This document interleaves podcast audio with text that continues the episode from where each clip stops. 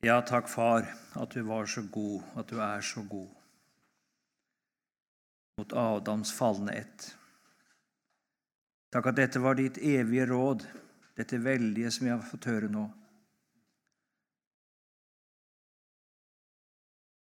Du vil at vi skulle bli frelst hver eneste en, og så ber vi, la det ikke være forgjeves for noen av oss. Så ber vi, vær du hos oss ved din ånd, og legg dette inn i våre hjerter, at det kunne bli oss til fryd og glede, til syndenes forlatelse og evig liv. Ved trua på din Sønn Jesus Kristus, vi ber om det. Amen. Vi skal bare lese et enkelt vers i Johannes 18. Det er fra Getsemane, hvor de kommer for å gripe Jesus. Og I Johannes 18, der og vers 8, så står det i Jesu navn. Jesus svarte, 'Jeg sa dere at det er meg.' Er det da meg dere leter etter? Så la disse gå. Vi lever alle under evighetens perspektiv. Om vi vil tro det eller ikke. En dag så skal vi alle dø, og noe som er enda mer sikkert, en dag så skal vi alle fram for Guds domstol.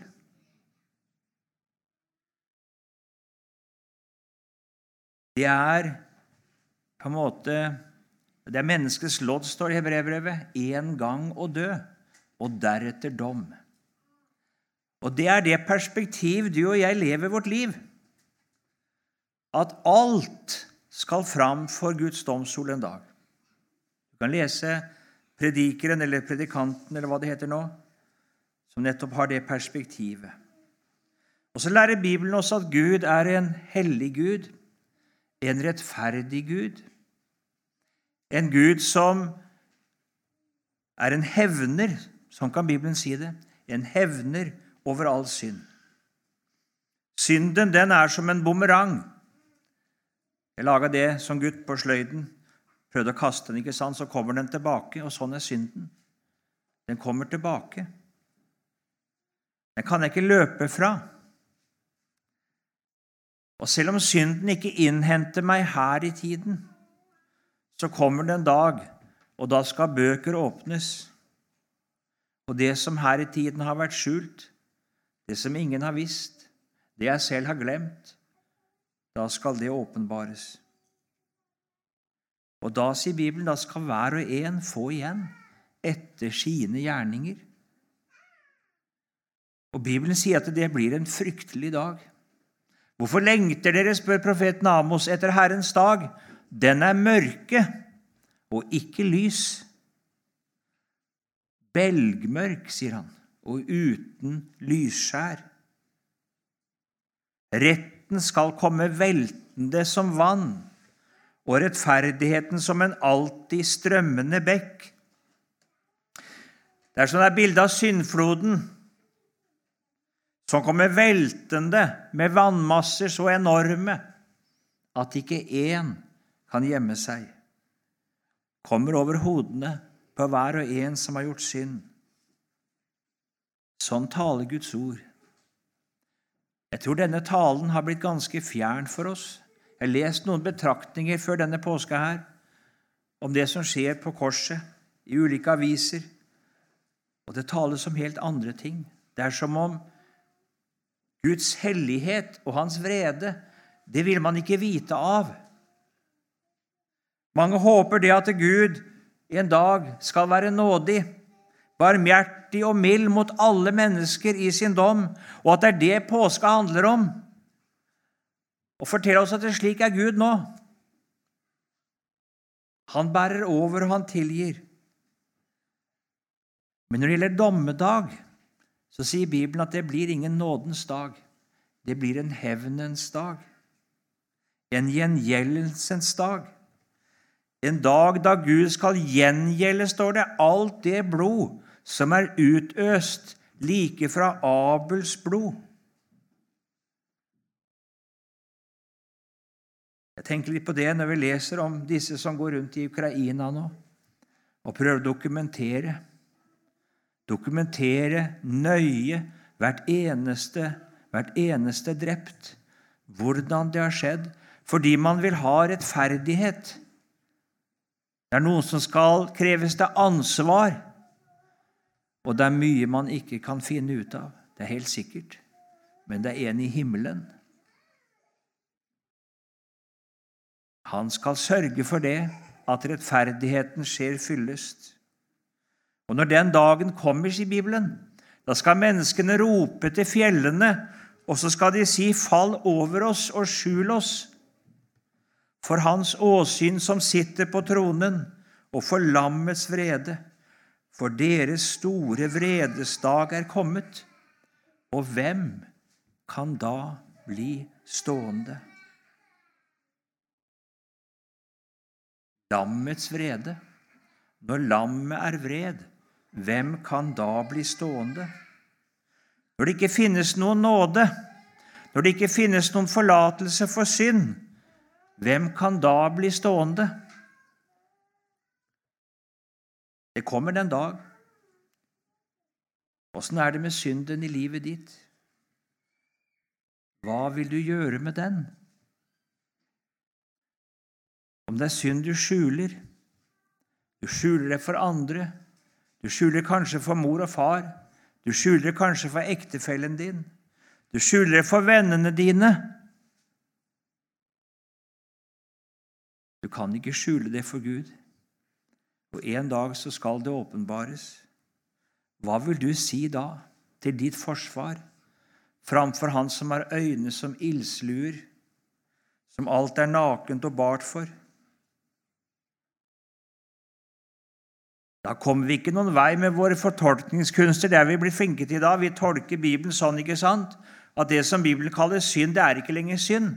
Så vi med god samvittighet kan leve i det. Det er ikke så farlig, det er ikke så nøye. Vi har funnet ut det at det mørke det er egentlig lys. Og synd er egentlig rett. Og det onde er egentlig godt. Nei, ves i Bibelen, den som gjør mørket til lys og ikke skiller det uedle fra det edle. På den dagen her skal alle fortolkningskunstnere bli til skamme. Alle de som tenkte det, at Gud kunne velsigne det han i sitt ord sier at han forbanner. Å, da skulle de se hvor dåraktig det var, og ville forsvare det som Gud dømmer. Og det var så korttenkt. For man ble godtatt i denne verden, og man fikk prester og biskoper og kristenfolket med seg. Så er det en i himmelen som ikke har endret seg. Han er den samme. Og da skal alle måles etter hans målestokk. Ikke etter vår, men etter hans. Og de skal dømmes i Bibelen uten barmhjertighet. Og da hjelper det ikke om jeg har hatt lang og tro tjeneste i Guds rike, om jeg har vært bibelskolerektor, om jeg har vært en trofast bedehusgjenger. Ja, om synden som jeg forsvarer, bare er en bagatell i menneskers øyne. Jeg tenker på Ananias og Safira. De ville gi til Guds rike, gi til de andre, så hadde de holdt unna noe. De ga inntrykk av å gi det. Og så hadde de løyet løyet for mennesker, løyet for Gud, og så slås de ned. Uten barmhjertighet. Og jeg tror vi trenger å rystes innenfor dette alvor som vi møter i Bibelen. Ikke bare i Gamletestamentet. Det er ikke noe forganget, men Gud er slik den dag i dag. Og en dag skal du og jeg møtes framfor Hans domstol, framfor den tre ganger hellige. Hva skal jeg svare på den dagen? Og om jeg kunne slippe å svare. Og om du kunne slippe å svare på den dagen. For jeg har ikke noe å svare. Og om jeg da har, som Elius sier det til jobb. Om jeg da har en talsmann en tolk, en som går imellom, og som svarer for meg. La du merke hva vi leste? Det var det Jesus gjør. Er det meg dere leter etter, så la disse gå. Og så trer han imellom, og så svarer han, og så sier han, la disse gå. Og Johannes sier det sånn litt tidligere.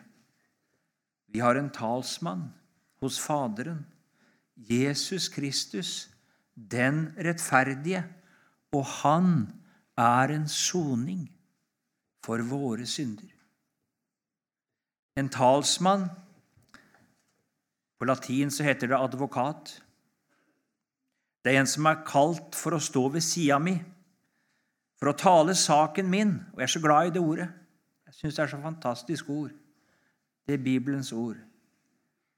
Tenk, Jesus er tilkalt av Faderen.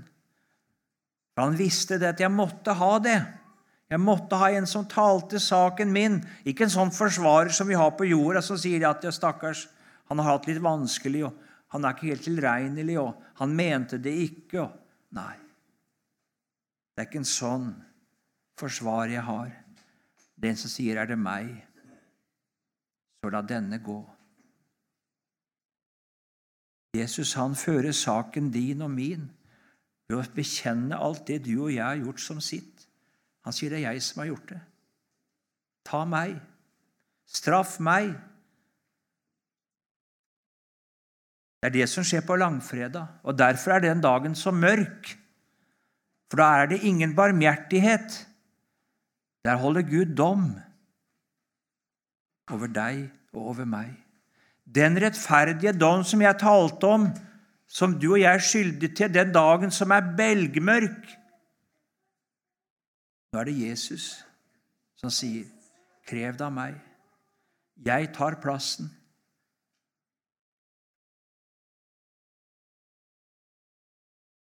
Og Det gjør denne dagen så, så totalt annerledes når vi får se det i det perspektivet. På langfredag holder Gud dommedag. Han gjør det.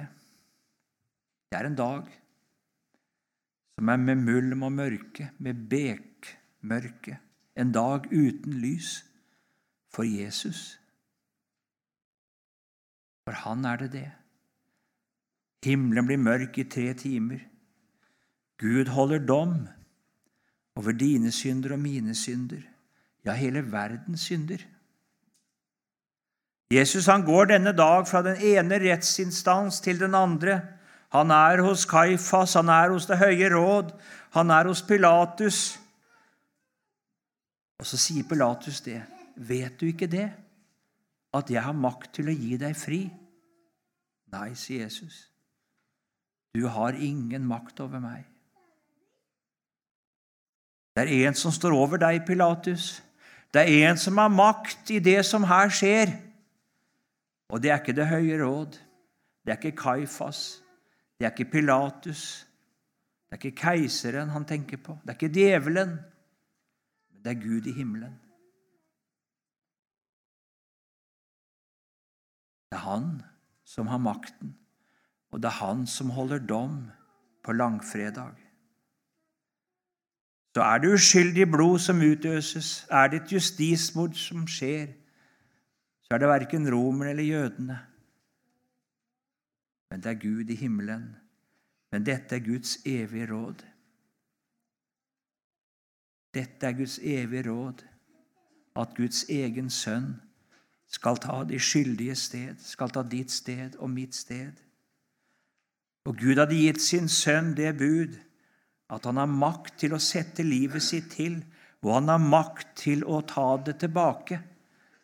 Vi leste det, hørte i teksten her. Vet du ikke det, sier Jesus, at jeg kunne bedt tolv legioner engler, 72 000 engler, og så kunne han fart hjem til sin far, og så kunne det vært over. Men han gikk frivillig i ditt sted, og det kostet. Vi forstår ikke hva det kostet. Jesus ante det i Getseman. Han kunne ikke forberede seg det. Han lærte lydighet, sier brevbrevet, av det han led. Han svetta blod i angst. under press av dine og mine synder. Han skulle møte den hellige Gud med din og min synd. Og det er så veldig, det er så forferdelig, at jeg forstår det ikke. Det var ikke den fysiske lidelse Jesus grudde for, men det var forbannelsen,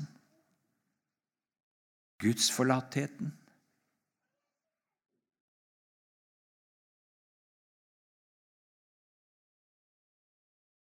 Ypperstepresten og de skriftlærde vi hørte det lest, de hånte Jesus. Og så sa de, 'Er du Guds sønn?' Ja, så stig ned av korset. Så skal vi tro på deg. Og Jesus kunne ha gjort det. Han kunne ha gjort det. Han som kunne gå gjennom folkemengden, og ingen kunne røre han. Og han kunne gått ned av korset. Det var ikke Gud i himmelen som bandt ham. Det var ikke naglene som bandt ham. Det var ikke soldatene som hindret ham. Vi synger det i en sang. Din kjærlighet har bundet deg. Din kjærlighet har bundet deg og få meg løst igjen. Er det meg dere leter etter, så la disse gå. Jesus var din talsmann på langfredag. Han var din advokat. Han møtte Gud med alt ditt på seg. Han bar alle dine synder på sitt eget legeme opp på treet, og så møtte han Gud i ditt og i mitt sted, og det ble ham til dom og til død. Derfor finner du ingen barmhjertighet på langfredag. Det er bare mørke. Ingen mildhet, ingen nåde, ingen langmodighet, for der holdes det dom. Der finner du derfor mørke, forbannelse, gudsforlatthet, pine, dom og død. Det som du skulle møte, og det som jeg skulle møte.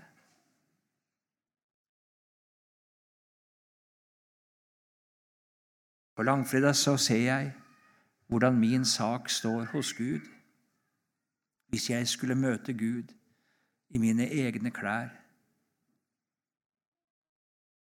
Og da vet jeg kunne ikke rope om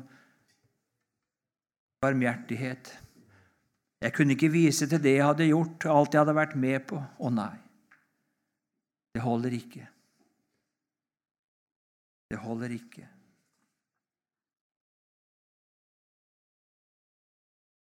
På langfredag er det Jesus som ypperste presten som går inn for Gud i det aller helligste for å sone folkets synder.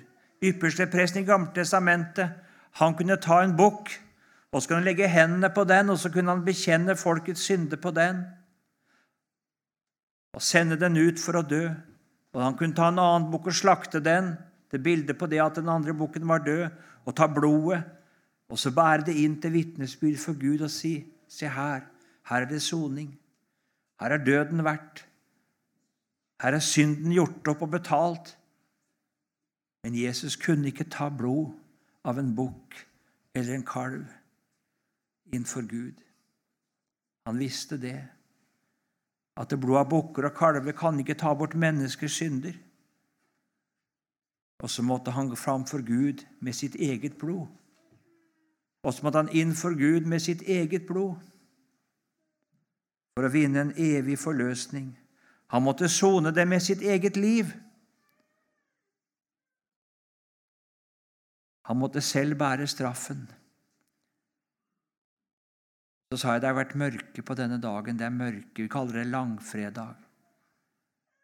Men så er det så fantastisk at det var din synd han bar. Det var din synd han gjorde opp for. Det var din straff han led. Det var i ditt sted han møtte Gud. Det var din dom og din forbannelse, det du og jeg fortjente. Det var min helvetes skru han erfarte. Det var min forbannelse han erfarte. Det var det gudsforlathetens mørke som jeg fortjente, han bar. Er det meg dere leter etter, så la disse gå. Og så går Jesus inn under dommen istedenfor for alle, egentlig. Og så lot Gud i himmelen den skyld som lå på oss alle, ramme Han. Det står det. Det ble holdt dommedag på Golgata kors dommedag over deg og meg ble holdt, men det ble holdt på en stedfortreder. En som møtte opp istedenfor deg og meg. Og så er det ikke noe sted i Bibelen du ser syndens alvor sterkere. Det er ikke noe sted du ser hvilket alvor synden er og hvilken veldig ting Guds hellighet er, og hans vrede er. Tenk det. Her står Guds elskede sønn, han som er elsket av sin far med en evig kjærlighet, han som er rettferdig, han som aldri har gjort sin far imot.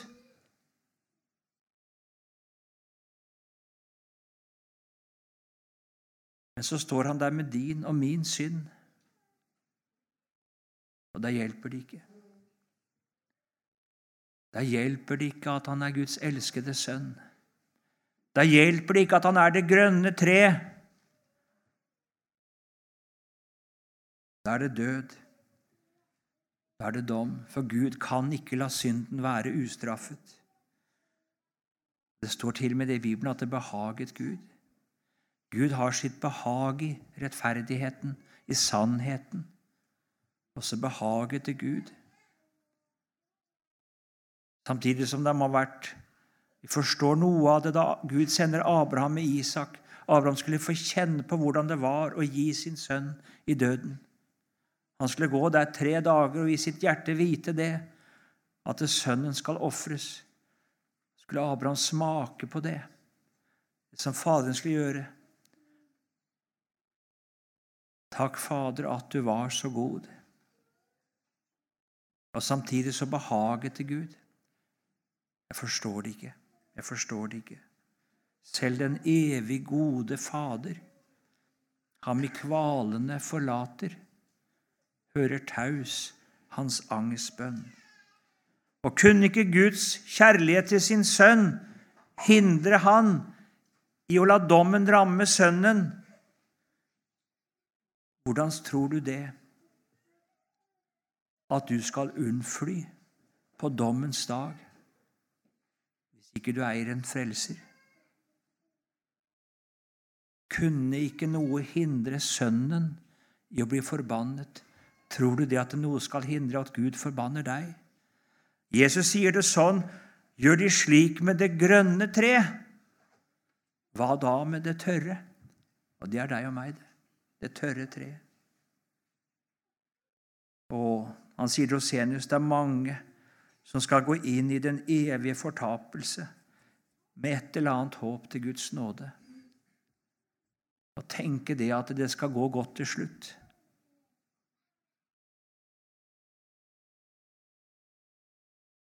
Nei, skal du unnslippe på dommens dag, så er det bare én vei.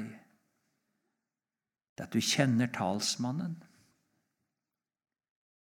Du kjenner mellommannen. At du kjenner Han som gikk i stedet for deg. Slik at Jesus kan tre fram på den dagen og si det. Er det meg, så la denne gå.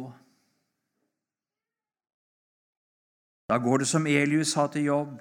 Er det da hos ham en engel, en tolk, en av tusen, som forkynner mennesket dets rette vei, da ynkes Gud over ham og sier, Fri ham fra å fare ned i graven.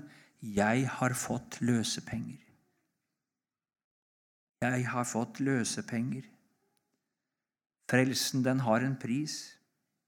Syndenes forlatelse og Guds barmhjertighet, den har en pris. Og den heter Jesu Kristi, Guds sønns blod. Den prisen ble betalt på langfredag, og den ble betalt fullt ut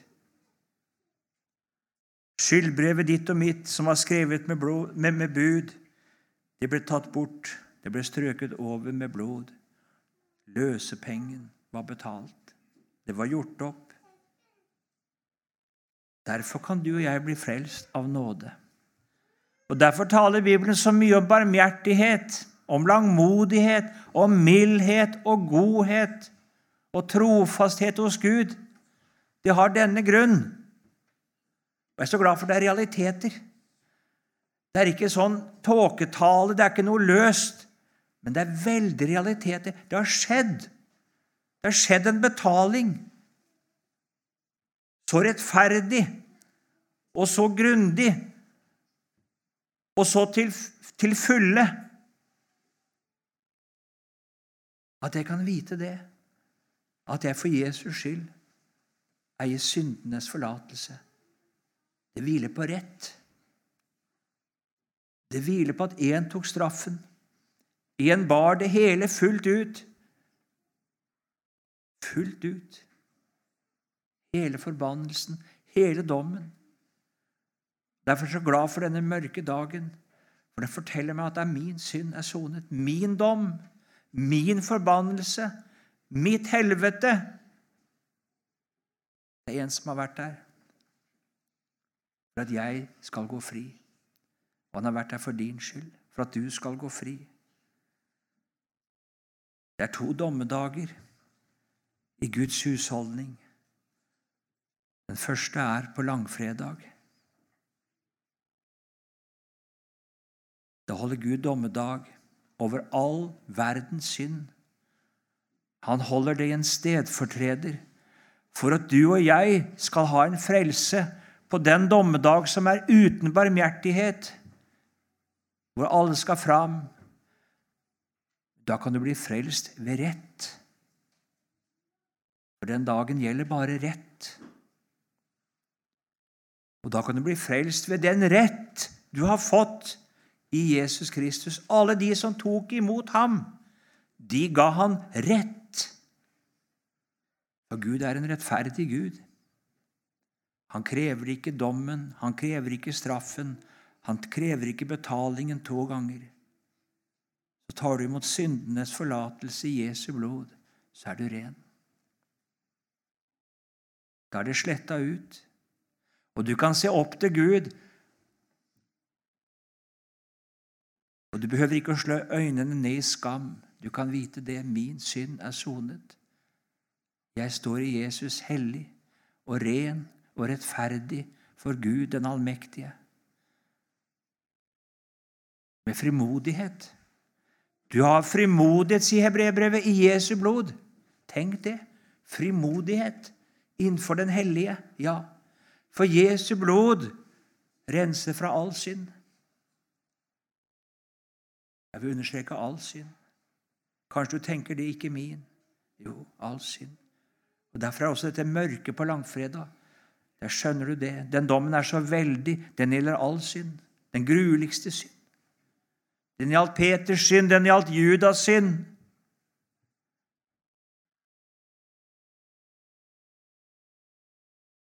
Og så er det bare vår egen vantro og at vi trekker oss bort, som kan hindre at vi blir frelst.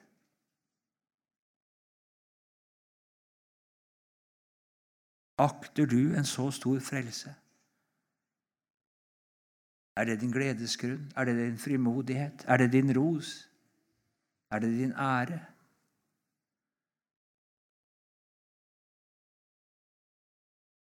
Bibelen taler veldig om den som tråkker dette blodet under føttene. Ringeakte paktens blod som han ble helliget ved. Da er det ikke noe annet offer tilbake. Det er bare et navn. Det er bare ett offer. Men det er også fullkomment. Og har du del i det, da kan du ha frimodighet. Har Gud gitt deg denne renselseskilden, så vil jeg si det til deg hver og en. Du må tvette din kjortel her. Gjør den hvit i lammets blod. Da kan du stå for Guds trone med frimodighet. Skal slutte med å lese fra Hebrebrevet 4 fra vers 14 der. Da vi nå har så stor en ypperste press som er gått gjennom himlene, Jesus Guds sønn, så la oss holde fast ved bekjennelsen, for vi har ikke en ypperste press som ikke kan ha medlidenhet med oss i vår skrøpelighet, men en som er prøvet i alt i likhet med oss, men uten synd.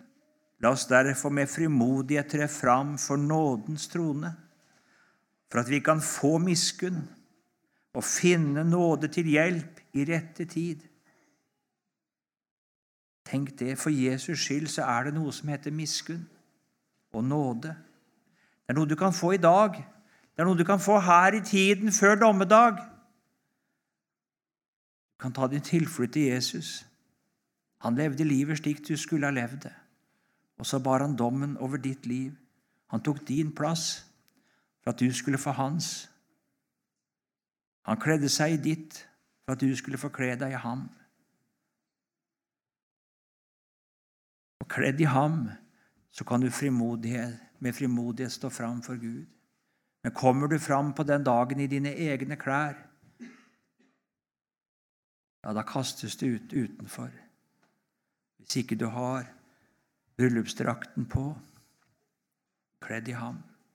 Om du er aldri så fin, syns du er aldri så fin, uten å være kledd i ham, så kastes du utenfor, det er gråt og tenners gnitsel. Og Gud er den samme. Han er det. Fra evighet til evighet. Og vent ikke, vent ikke lenger, men skynd deg til Frelseren hen, og ved om ditt hjerte du stenger for ham, din forsoner og venn. I dag, la med, la meg Gud deg forsone, kan hende ei bud mer deg når, for snart skal du stå for Hans trone. Det er dommen av Herren du får. Så fly til den fristaden skjønne, til Frelserens vunder og sår.